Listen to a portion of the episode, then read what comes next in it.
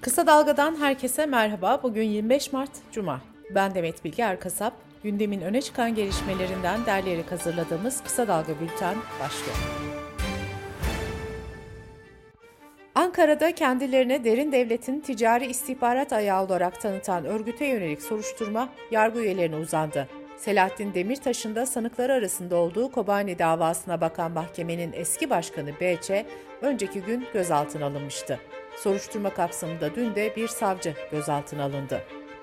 Deutsche Türkçe'den Ali Can Uludağ'ın haberine göre gözaltındaki hakim geçen yaz Hakimler ve Savcılar Kurulu tarafından görevinden alındıktan sonra istifa etmişti. Gözaltında olan savcının da Amasya'da görev yaparken HSK tarafından açığa alındığı belirtildi. Soruşturma kapsamında MIT'in de çalışma yaptığı her iki yargı üyesinin diğer şüphelilerle telefonda yaptığı görüşmelerin dinlemeye takıldığı öğrenildi. Ata Dedeler örgütüne yönelik olarak Ankara Cumhuriyet Başsavcılığı'nın yürüttüğü soruşturma kapsamında geçen 18 Ocak'ta düğmeye basılmıştı. İddiaya göre örgüt kendilerini derin devletin ticari istihbarat ayağı olarak tanıtıyor ve örgüte üye olmak isteyenlerden 10 bin lira para alıyor. Şüpheliler mağdurları yurt içinde ve yurt dışında iş bulma, yurt dışına gönderme, yatırım yapacak alanlar, devletle ilgili işleri yürütme gibi vaatlerle kandırarak dolandırıcılık yapmakla suçlanıyor. Cumhur İttifakı'nın meclise sunduğu ve muhalefetin eleştirdiği seçim kanunu teklifi Meclis Anayasa Komisyonu'nda 17 saat süren mesainin ardından AKP ve MHP'li vekillerin oylarıyla kabul edildi muhalefetin seçim propagandası yasaklarına Cumhurbaşkanı'nın da dahil edilmesi ve 2008 yılında kaldırılan parmak boyası uygulamasının yeniden getirilmesi önergeleri ise reddedildi. Teklife göre seçim barajı %10'dan %7'ye düşecek. İttifakın aldığı oy toplamı barajı geçerse her bir partinin o seçim çevresinde aldığı oy sayısı dikkate alınacak. Seçime katılabilmek için 41 ilde örgütlenmek yetecek.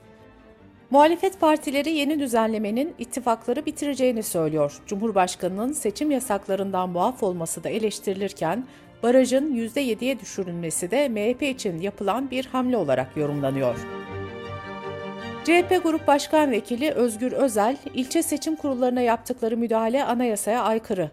Ocak 2022'de oluşmuş seçim kurulunu lağvedip kendi teşkilatlarından yargı teşkilatına devşirdikleri bir takım kişileri ilçe seçim kurulu yapma çabasını Anayasa Mahkemesi'ne götüreceğiz dedi. Seçim yöntemini yüksek mahkemeye götürmeyeceklerini belirten Özgür Özel, AK Parti'nin kazdığı kuyuya düşmesini zevkle takip edeceğiz diye konuştu.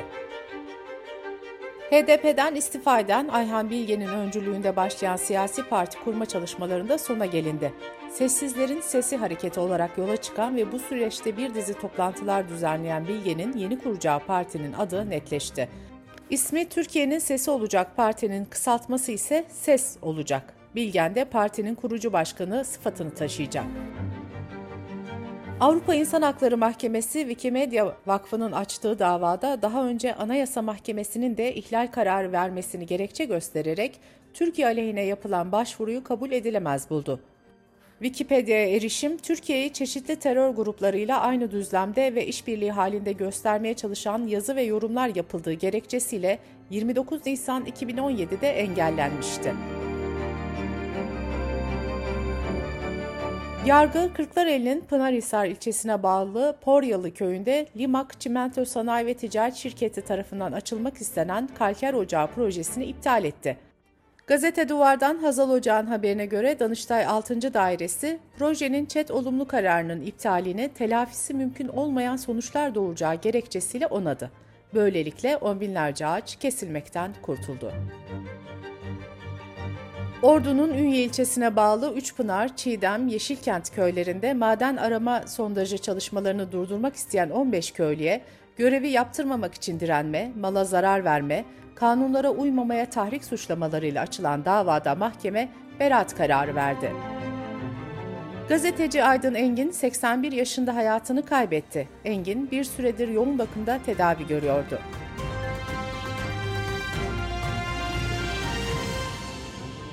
Dış politika ve dünyadan gelişmelerle devam ediyoruz. Rusya'nın Ukrayna'ya yönelik işgal operasyonu sonrasında ortaya çıkan yeni durumun görüşüldüğü Brüksel'deki NATO zirvesi dün başladı. NATO Genel Sekreteri Stoltenberg, ittifakın doğu kanadının daha da güçlendirileceğini ve 40 bin asker yerleştirdiklerini belirtti. Bulgaristan, Romanya, Macaristan ve Slovakya'ya daha fazla asker konuşlandırılacağını ifade eden Stoltenberg, bu güçler gerektiği sürece orada kalacaklar dedi. Liderler zirvesinden sonra ortak bir bildiri yayınlandı. Bildiride özetle şu ifadeler kullanıldı. Rusya'nın Ukrayna'yı işgalini en güçlü şekilde kınıyoruz. Putin'i bu savaşı derhal durdurmaya ve askeri güçlerini Ukrayna'dan geri çekmeye çağırıyoruz. Çin de dahil olmak üzere tüm devletleri uluslararası düzeni korumaya, Rusya'nın savaş çabalarını desteklemekten kaçınmaya çağırıyoruz. Çinli yetkililerin son zamanlarda yaptığı açıklamalardan endişe duyuyoruz. Çin'i barışçıl bir çözüm bulmaya davet ediyoruz. Ukrayna Devlet Başkanı Zelenski, NATO zirvesine video konferans yöntemiyle katılarak konuşma yaptı. Zelenski şöyle dedi. Ukrayna'nın kısıtlama olmaksızın askeri desteğe ihtiyacı var. Tüm uçaklarınızın, tanklarınızın yüzde birini bize verebilirsiniz. Zelenski konuşmasında ayrıca Rusya'yı Ukrayna'da fosfor bombası kullanmakla da suçladı. Zelenski, Rusya'nın Ukrayna işgalinin birinci ayını doldurması nedeniyle bir de video mesaj paylaştı. Ukrayna Devlet Başkanı tüm dünyadan sokaklara çıkarak ülkesine destek olunmasını istedi. Birleşmiş Milletler Çocuklara Yardım Fonu UNICEF, birinci ayını dolduran işgalin 4.3 milyon çocuğu yerinden ettiğini açıkladı. Ukrayna'daki çocuk nüfusu yaklaşık 7,5 milyon. UNICEF Direktörü Catherine Russell, bu gelecek nesiller için kalıcı sonuçlar doğurabilecek korkunç bir dönüm noktası dedi. Dünya Sağlık Örgütü ise Rusya'nın Ukrayna'ya saldırılarında sağlık merkezlerinin 64 kez hedef alındığını, çok sayıda hastanın tedavi süreçlerinin aksadığını duyurdu. İngiltere, Rusya'ya yönelik 65 yeni yaptırım açıkladı. Yaptırımlar, Putin'in özel ordusu olarak görülen Wagner grubu, stratejik sektörleri, bankaları ve iş dünyasından elit isimleri hedef alıyor. Wagner grubun Ukrayna lideri Zelenski'yi öldürmekle görevlendirildiği öne sürülmüştü. Stratejik sektörler arasında ise çok sayıda savunma şirketi ve Rus demir yolları da var. İngiltere'nin ayrıca Ukrayna'ya 6 bin füze yardımı yapacağı belirtiliyor. Rusya Devlet Başkanı Putin, dost olmayan ülkelere doğalgazı ruble karşılığında satma kararı aldıklarını açıkladı. Bu açıklama Rus gazına bağımlı olan Avrupa ülkelerinde endişeye neden oldu. Rusya Başbakan Yardımcısı Novak, Batı'yı olası bir enerji boykotuna karşı uyardı. Novak, böyle bir adımın dünya genelinde petrol ve doğal gaz piyasalarının çökmesine neden olacağını savundu. Avrupa Birliği ülkeleri arasında Rusya'ya bu türde bir yaptırım kararı ile ilgili fikir birliği yok. Alman sanayiciler yeni ekonomik yaptırımlara sıcak bakmıyor. Rusya'nın dost olmayan ülkeler olarak onayladığı listede ise Amerika, AB ülkeleri, İngiltere, Japonya, Kanada, Norveç, Singapur, Güney Kore, İsviçre ve Ukrayna yer alıyor. Rusya'nın bu hamlesine Ukrayna'dan da tepki geldi. Dışişleri Bakanı Kuleba, Avrupa Birliği ülkelerine Putin'in planına karşı çıkmaları için çağrıda bulundu. Sırada ekonomi haberleri var. Tarım ve Orman Bakanlığı şeker üreticisi firmalara gerekli uyarıların yapıldığını ve bunun neticesinde de özel sektördeki bazı firmaların çuval şeker fiyatlarını 800 liradan 575 liraya indirdiğini açıkladı. Bakanlığın açıklamasında ayçiçek yağında olduğu gibi şekerde de spekülatif hareketler yaşandığı savunuldu. Açıklamada şu ifadeye yer verildi. Ülkemizin yıllık şeker ihtiyacının 2.7 milyon ton olduğu dikkate alındığında 200 bin tonluk ihtiyaç fazlası şeker üretimimiz bulunmaktadır. Et ve Süt Kurumu kırmızı et fiyatlarına %48 oranında zam yapmıştı. Tarım ve Orman Bakanlığı da kurumun fiyatlarının piyasadaki et fiyatlarını etkilemeyeceğini belirtmişti. Ancak BBC Türkçe'den Funda Nur Öztürk'e konuşan sektör temsilcilerine göre yüksek maliyetler ve arz sıkıntısı sebebiyle önümüzdeki iki ay içinde et fiyatlarının artması bekleniyor. Uzmanlara göre dişi sığır sayısının azalması ve yüksek maliyetlerin üzerine bir de turizm sektöründeki talep artışı eklendiğinde birkaç ay içinde et fiyatlarında %30-40 arasında zam bekleniyor. Toprak Mahsulleri Ofisi ve Et ve Süt Kurumu eski genel müdürü İsmail Kemaloğlu şunları söylüyor. Beklendiği oranda turist gelirse etin kilosu çok rahat 150 lira olur. Çünkü arz sorunu kritik bir hal alacak gibi gözüküyor. Ulusal Kırmızı Et Konseyi Başkanı Ahmet Hacı İnce ise aynı görüşte değil. Hacı İnce de şunları söylüyor. Kırmızı et arzı noktasında bir sorun görünmüyor. Mevcut hayvan stoğumuz talebi karşılayabilir seviyede. Merkez Bankası Mart toplantısına ilişkin para politikası kurulu toplantı özetlerini açıkladı. Özette liralaşma odaklı yaklaşımın süreceği belirtildi.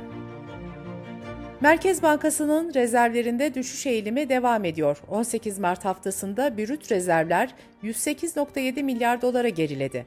Bir önceki hafta bu rakam 108.9 milyar dolardı. Net rezervlerde ise 18 Mart haftasında iyileşme görüldü. Buna göre bankanın net rezervi 15.9 milyar dolardan 17.2 milyar dolara yükseldi. Enerji Piyasası Düzenleme Kurulu, doğalgaz piyasası dağıtım ve müşteri hizmetleri yönetmeliği ile bir dizi yeni düzenlemeyi hayata geçirecek. Buna göre abone bağlantılı bedelin taksitli olmasını talep eden müşterilere kredi kartına en az 3 taksit yapılacak. Abone güvence bedelinin taksitli olmasını talep eden müşterilere ise güvence bedeli vade farksız en az 6 eşit taksite bölünecek. Fatura borcu olan 65 yaş üstü tüketiciler, hayati risk taşıyacak şekilde sürekli cihaza bağlı şekilde yaşayanlar, şehit aileleri ve gazilerin gazı 3 ay kesilmeyecek.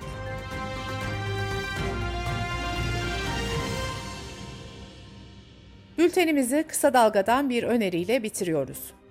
Gazeteci yazar Timur Soykan, Stockholm, İstanbul, Van ve Tahran hattında bir kaçırma olayını resmi belgelerden inceledi ajanların İstanbul tuzağını anlattı.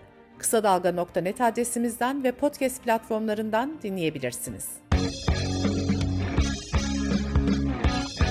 Gözünüz kulağınız bizde olsun. Kısa Dalga Medya.